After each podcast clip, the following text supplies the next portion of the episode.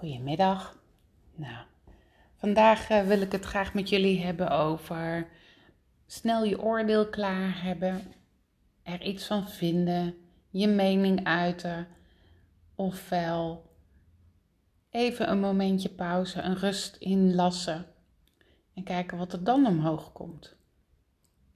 Nou, dat klinkt misschien een beetje cryptisch, maar uh, een paar weken terug had ik een kennismakingsgesprek. En dat was echt superleuk, want uh, te midden van uh, zeg maar de COVID-19-periode ja, lag mijn praktijk stil. Hè, dat face-to-face contact was er even niet. vanuit de beroepsorganisatie werd zelfs twee meter aangeraden in plaats van anderhalve meter. En dat geeft toch een hele andere dimensie aan, um, zeg maar, face-to-face coachings. Dus er was iemand die graag een kennismakingsgesprek ehm, wilde hebben met mij. En uh, dat deden we dit keer via Zoom. Of een, een ander programma volgens mij, maar in ieder geval online. En dat vond ik spannend, want um, het was de eerste keer dat ik een kennismaking online deed. Nou, inmiddels weet ik dat uh, als ik praat over afstemmen en dergelijke, um, afstemmen op de ander, dan maakt het medium eigenlijk niet uit. Of zo iemand nou voor me zit of niet. Of iemand nou voor me zit en ik bekijk deze persoon via een, een beeldscherm. Ik merk nog steeds dat het afstemmen gewoon prima gaat. Maar terugkomend bij waar ik begon, hè, deze podcast, van ja, in hoeverre laat je je hoofd mee, um, mee bepalen hoe een gesprek gaat? Of um, ben je even stil en ga je voelen? Nou, deze persoon waar ik een uh, kennismaking mee had, um, die vertelde dat ze interesse had in, een, uh, in het doen van een opstelling tijdens een opstellingsavond van mij. Um, ik merkte aan haar ook wel dat zij behoefte had aan um, ja, wat duidelijkheid, wat, uh, wat meer een beeld ze wilde graag meer een beeld krijgen van hoe ziet zo'n avond eruit. En uh, ja, uh, is het fijn dat je van tevoren een gesprek hebt met de coach of juist daarna. En um, tijdens dit gesprek vroeg ik haar ook van, hè, wat maakt nu dat je een opstelling graag wil gaan doen? En ze gaf ook aan dat ze ehm, bij een coach een uh, traject had gevolgd, een paar sessies had gedaan.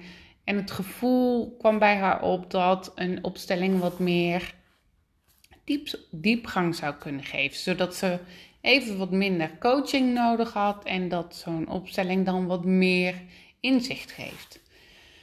En um, zij vertelde bijvoorbeeld ook dat um, zij achteraf kon ze dit pas bepalen of bepalen of beseffen, is dat ze na drie, vier sessies eigenlijk zichzelf realiseerde dat ze um, heel veel hadden gedaan in die sessies.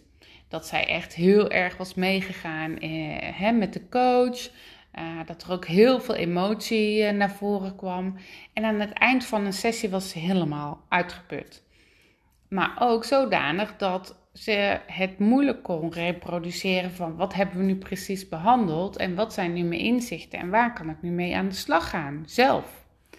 En uh, tijdens de een van, nou, de, een van de laatste sessies had ze dit benoemd bij de coach. En aangegeven dat dit eigenlijk niet de manier was voor haar, omdat zij toch dingen vergat. En ze wilde graag juist die dingen um, meer laten beklijven, omdat haar hoofd, haar ratio, echt gewoon, ja, die had meer nodig.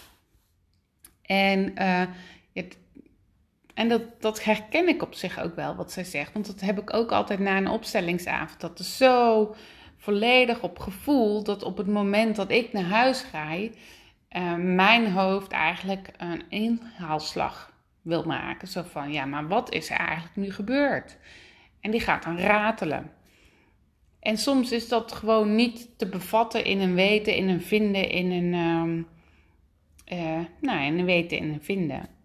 En dat is dan af en toe een moeilijke brug die dan kunt maken tussen je hoofd, het ratio en, en, en je gevoel, je lijf.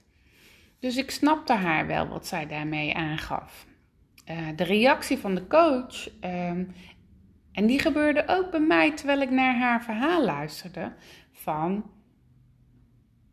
was dat zij, de coach, aangaf van joh, had het maar eerder gezegd, want dan had ik daarop kunnen anticiperen. En, en dat is ook wat bij mij er doorheen schoot. Maar uh, het mooie is, uh, op het moment dat je zo'n gedachte ervaart, kun je jezelf ook uitnodigen om even stil te blijven en even stil te zijn. Want terwijl zij zat, vertellen, zat te vertellen over de reactie van de coach en, en wat de coach precies verder zei, is niet echt relevant. Maar doordat ik mezelf uitnodigde om stil te zijn en om te gaan voelen en om me nog meer op haar af te stemmen, kwamen er bij mij andere zinnen naar boven. En het gevoel wat naar boven kwam was van goh, deze persoon is al drie, vier keer bij een coach geweest. Vindt het dus heel lastig om uiting te geven aan wat zij zelf nodig heeft. En dat doet zij na drie, vier keer. En vervolgens op het moment dat ze het doet, krijgt ze eigenlijk te horen van had het maar eerder gedaan. Maar wat als zij dat niet eerder had kunnen doen? Wat als zij zich niet realiseerde wat haar behoeften zijn, en wat ze nodig heeft en dat zij um, die drie, vier sessies nodig had om te beseffen van hé, hey, maar dit is niet wat ik nodig heb, want het beklijft niet, het werkt niet voor mij. Um, ik kan er verder eventjes niks mee en dat wil ik wel. Dus door dat te benoemen en door even stil te blijven, kun je gaan kijken van wat is hier nu aan de hand. Dus bij mij kwam op van, ja, weet je, het kan best zijn dat deze persoon gewoon niet goed nog kan voelen wat ze nodig heeft. En op het moment dat je kan voelen wat je nodig hebt, is het weer een heel ander verhaal om dat ook woorden te geven, dat te uiten. En zeker als je nooit gewend bent geweest om dat te doen. Kijk, we kunnen allemaal heel makkelijk zeggen: ja, dan moet je dat maar zeggen en dat had je dan moeten aangeven. En daarin zit eigenlijk ook weer gelijk een verwijt naar de ander. Dus op het moment dat je het al niet zo goed weet en je gaat het daarna een keer wel benoemen, krijg je ook nog een soort van um, tik na van um, ja.